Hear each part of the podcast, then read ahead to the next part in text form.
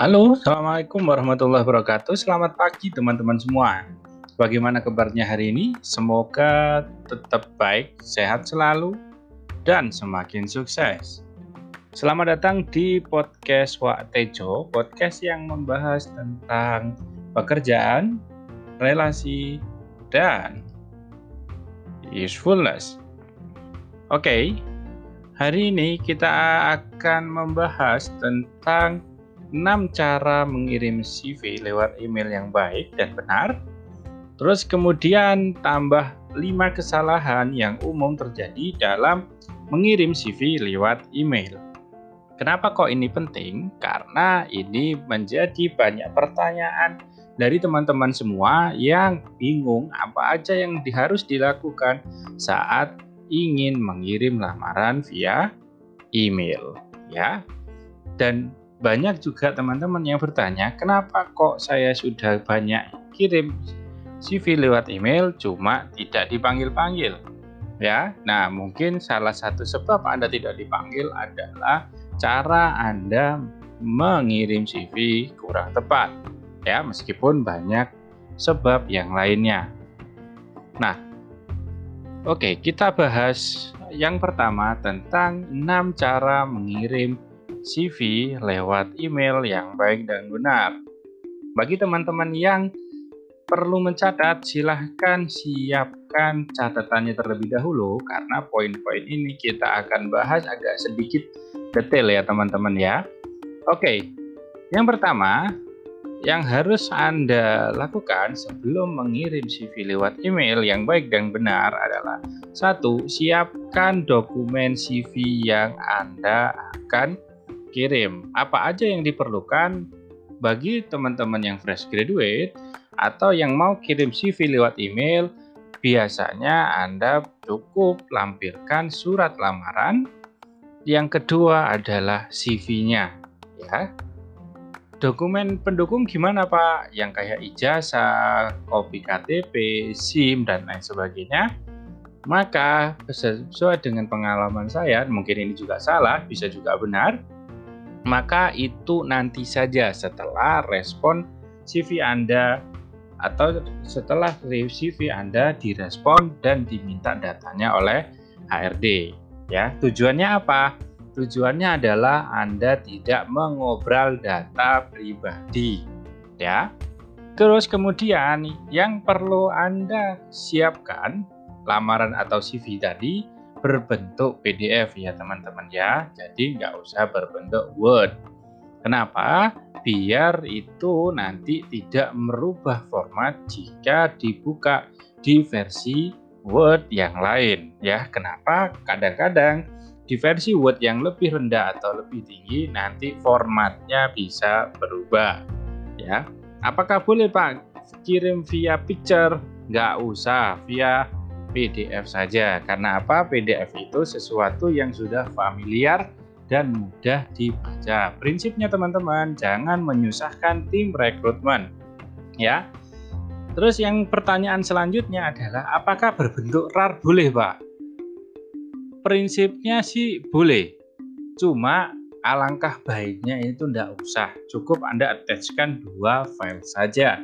Ini pengalaman pribadi ya, karena mensortir sekian banyak kita tinggal download itu ndak mudah, bukan ndak mudah ya maksudnya lebih mudah itu kalau sudah berbentuk PDF dan jadi satu ya teman-teman ya. Jadi dalam satu file saja meskipun kontennya adalah lamaran dan CV Anda. Nah, bagaimana menulis lamaran dan CV? Nanti silakan Anda googling dulu atau silakan Anda dengarkan podcast kita yang sebelumnya bagaimana membuat CV dan surat lamaran. Oke.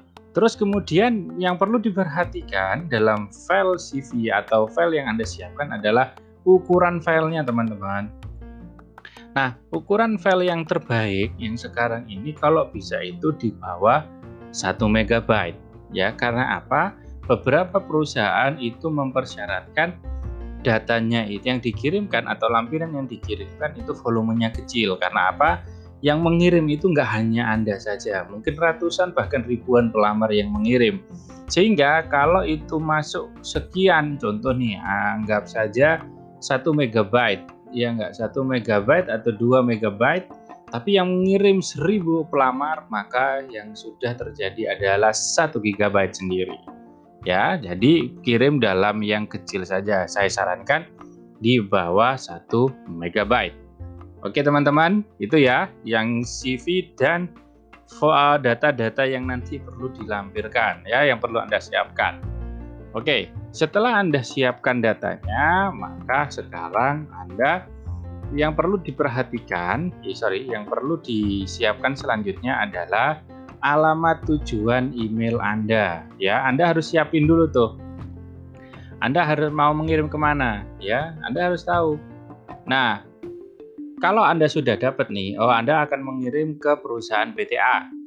Ya, oke, siapkan dulu alamat emailnya. Pastikan alamat emailnya itu benar ya, penulisannya benar, kemudian tanda titik huruf kecil atau ininya harus benar. Oke, nah setelah Anda sudah siapkan alamat emailnya, silakan isi kolom to atau alamat email. Ya, nah langkahnya adalah silahkan langsung ketikkan alamatnya, kepada siapa? Catatannya adalah Anda mengirim satu email itu hanya kepada satu perusahaan saja, teman-teman. Ya, jangan Anda mengirimkan kepada banyak perusahaan atau Anda melakukan blasting CV kemudian Anda masukkan di kolom to atau CC atau BCC secara bersamaan semua Anda kirim bareng. Ya tujuannya memudahkan. Tapi itu nanti tidak akan menjadi personal email Anda. Tidak tujuannya tidak spesifik. Seperti Anda mengirim surat kaleng ya Anda mau ngirim email benar cuma tujuannya nggak spesifik sehingga apa itu membuat tim rekruter itu tidak terlalu tertarik saya sebagai pribadi ketika mendapatkan email blastingan seperti itu maka langsung saya skip ya. Kenapa? Ya nggak niat aslinya sih nggak niat ya mengirimnya. Nah, salah satu ketunjuk keniatan, salah satu bukti keniatan kita dalam mengirim CV yaitu kita kirim secara personal satu by satu, ya. Nah, oke, okay. itu yang poinnya. Setelah itu, setelah Anda kirim tuh, ya, bagi Anda kalau di situ ada lamaran tersebut, Anda biasanya ada tuh beberapa mencantumkan alamat email uh, karyawannya atau tim rekruternya. Nah, tunjuk tuliskan sesuai dengan yang ditujukan atau sesuai petunjuk dari lowongan tersebut. Ya, biasanya ditujukan kepada titik-titik-titik, kemudian ada sisi ke titik-titik-titik. Ya, nah itu ikutin saja arahannya. Oke, setelah Anda menuliskan tuh, maka yang ketiga, silahkan Anda tuliskan kolom subjeknya atau judul email. Judul email ini ada dua kemungkinan. Pertama, jika di surat lamaran itu mensyaratkan judul email tertentu, contoh biasanya ada di situ tuliskan ada kode lamaran mungkin ya, lowongan atau kandidat supervisor titik-titik-titik kemudian dikasih strip nama ya atau kode-kode tertentu yang itu memudahkan atau dibuat khusus oleh tim rekruter sehingga memudahkan mereka dalam sortir CV yang masuk ya. Ikutin saja itu ya ikutin CV-nya kalau nggak ada gimana Pak kalau nggak ada di CV maka buat saja secara umum caranya gimana tuliskan kode ya CV ya CV atau surat lamaran, strip nama Anda, strip posisinya apa. Ya, contoh di situ CV, strip Tiza Rahmawan, strip posisi desain grafis, ya boleh. Kurang lebih seperti itu sehingga memudahkan sehingga memudahkan tim rekruter jika dia melihat CV Anda sudah tahu oh ini berarti pelamar untuk posisi desain grafis ya atau software engineer atau administrasi ya dan lain sebagainya. Oke, pastikan itu jangan kosong ya. Jangan sampai teman-teman mengosongkan karena apa? Itu mensulitkan, mempersulit tim recruiter ya dan memperkecil peluang Anda. Kemudian poin yang keempat, saat Anda mengisi uh, sudah Anda sudah mengisi subjek, maka yang selanjutnya adalah mengisi body email atau halaman utama email. Ya, caranya ada dua madhab dalam mengisi ini. Ya, cara pertama Anda menuliskan surat lamaran Anda kembali pada body email. Ya, anda tuliskan Dear Tim Recruiter PT titik titik titik ya pada nah sesuai dengan isi surat lamaran Anda itu yang pertama. Nah, yang kedua ya cara yang lain atau madhab yang lain menuliskan resume Anda ya pada body email. Karena apa? Ini untuk menunjukkan bahwa atau memberikan gambaran secara umum atau secara singkat tentang diri Anda. Bagaimana cara membuat atau menulis resume? Nah, silahkan Anda googling atau silahkan Anda dengarkan podcast kita yang lain yang membahas tentang bagaimana membuat resume yang baik. Ya, oke. Itu intinya adalah Anda harus menuliskan atau mengisi body email itu. Ya. Terus kemudian setelah Anda menulis body email, maka jangan lupa untuk mengupload attachment yang sudah Anda siapkan. Ingat, semakin simpel atau semakin sedikit file yang Anda upload dan semakin uh, ukurannya semakin kecil, maka Anda akan semakin memudahkan tim rekrutmen. Ya, jangan sampai Anda terlalu banyak ya 10 file langsung Anda attach semua. Ya, jangan usah satu saja. Itu nanti akan memudahkan tim recruiter untuk mensortir Anda, memudahkan tim recruiter untuk menyimpan file Anda dan mencari file Anda. Dan pastikan ketika Anda membuat file PDF Anda dikasih nama yang jelas juga teman-teman. Nama file yang jelas. Ya. Sehingga apa? Ketika Anda attach di situ sudah tahu. Ya, Anda boleh kasih nama seperti email oh sorry seperti subjek email Anda ya CV kasih nama Anda kemudian posisi yang dilamar oke itu untuk attachment terus kemudian yang terakhir setelah itu kalau sudah siap semua yang keenam Anda periksa kembali dari atas sampai bawah lima rangkaian itu kalau sudah Anda periksa dan sudah Anda kira-kira sudah siap nih, maka jangan lupa berdoa dulu teman-teman. Anda boleh baca salawat, Anda boleh baca istighfar, Anda boleh baca syukur, Anda berdoa dulu. Setelah itu klik send. Ya, begitu. Sehingga terbangnya email kita itu didorong dengan doa. Oke, itu enam tata cara mengirim CV lewat email yang baik dan benar. Nah, sesi kedua kita akan membahas sedikit tentang lima kesalahan dalam mengirim CV lewat email. Ini yang sering terjadi atau yang sering dialami oleh teman-teman atau yang sering saya temui dalam melihat CV yang dikirim via email. Nah, kesalahan yang pertama seperti yang saya sebutkan tadi, Kesalahan pertama adalah mengirimkan CV ke semua alamat HRD atau semua alamat email perusahaan ya.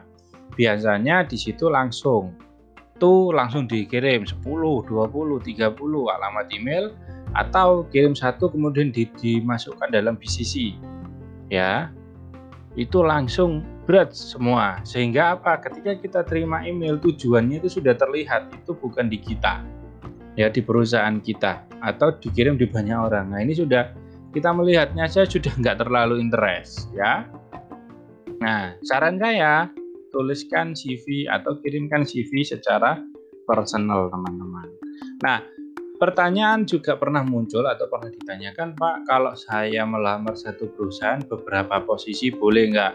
Boleh tapi kirimkan satu dulu ya Kemudian kalau nggak ada respon, tunggu sampai beberapa 3 sampai 4 minggu baru Anda kirim lagi.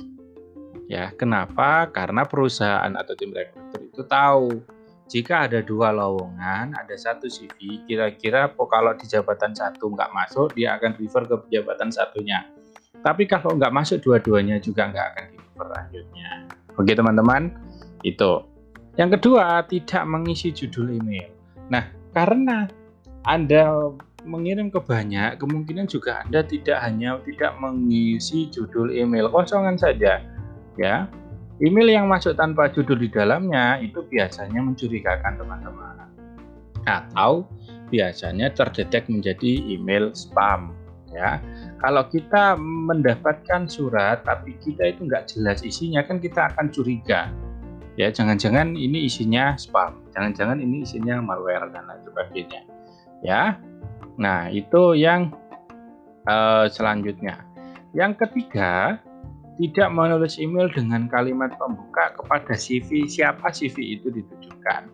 Ini sering sekali, terutama kepada teman-teman yang mengirim secara blasting. Ya, biasanya dituliskan kepada tim recruiter, udah, udah gitu aja. Atau to all tim recruiter gitu aja. Atau bahkan nggak ada isinya. Ya, pernah Pak, pernah. Ya, sehingga apa? Orang melihatnya juga nggak menarik.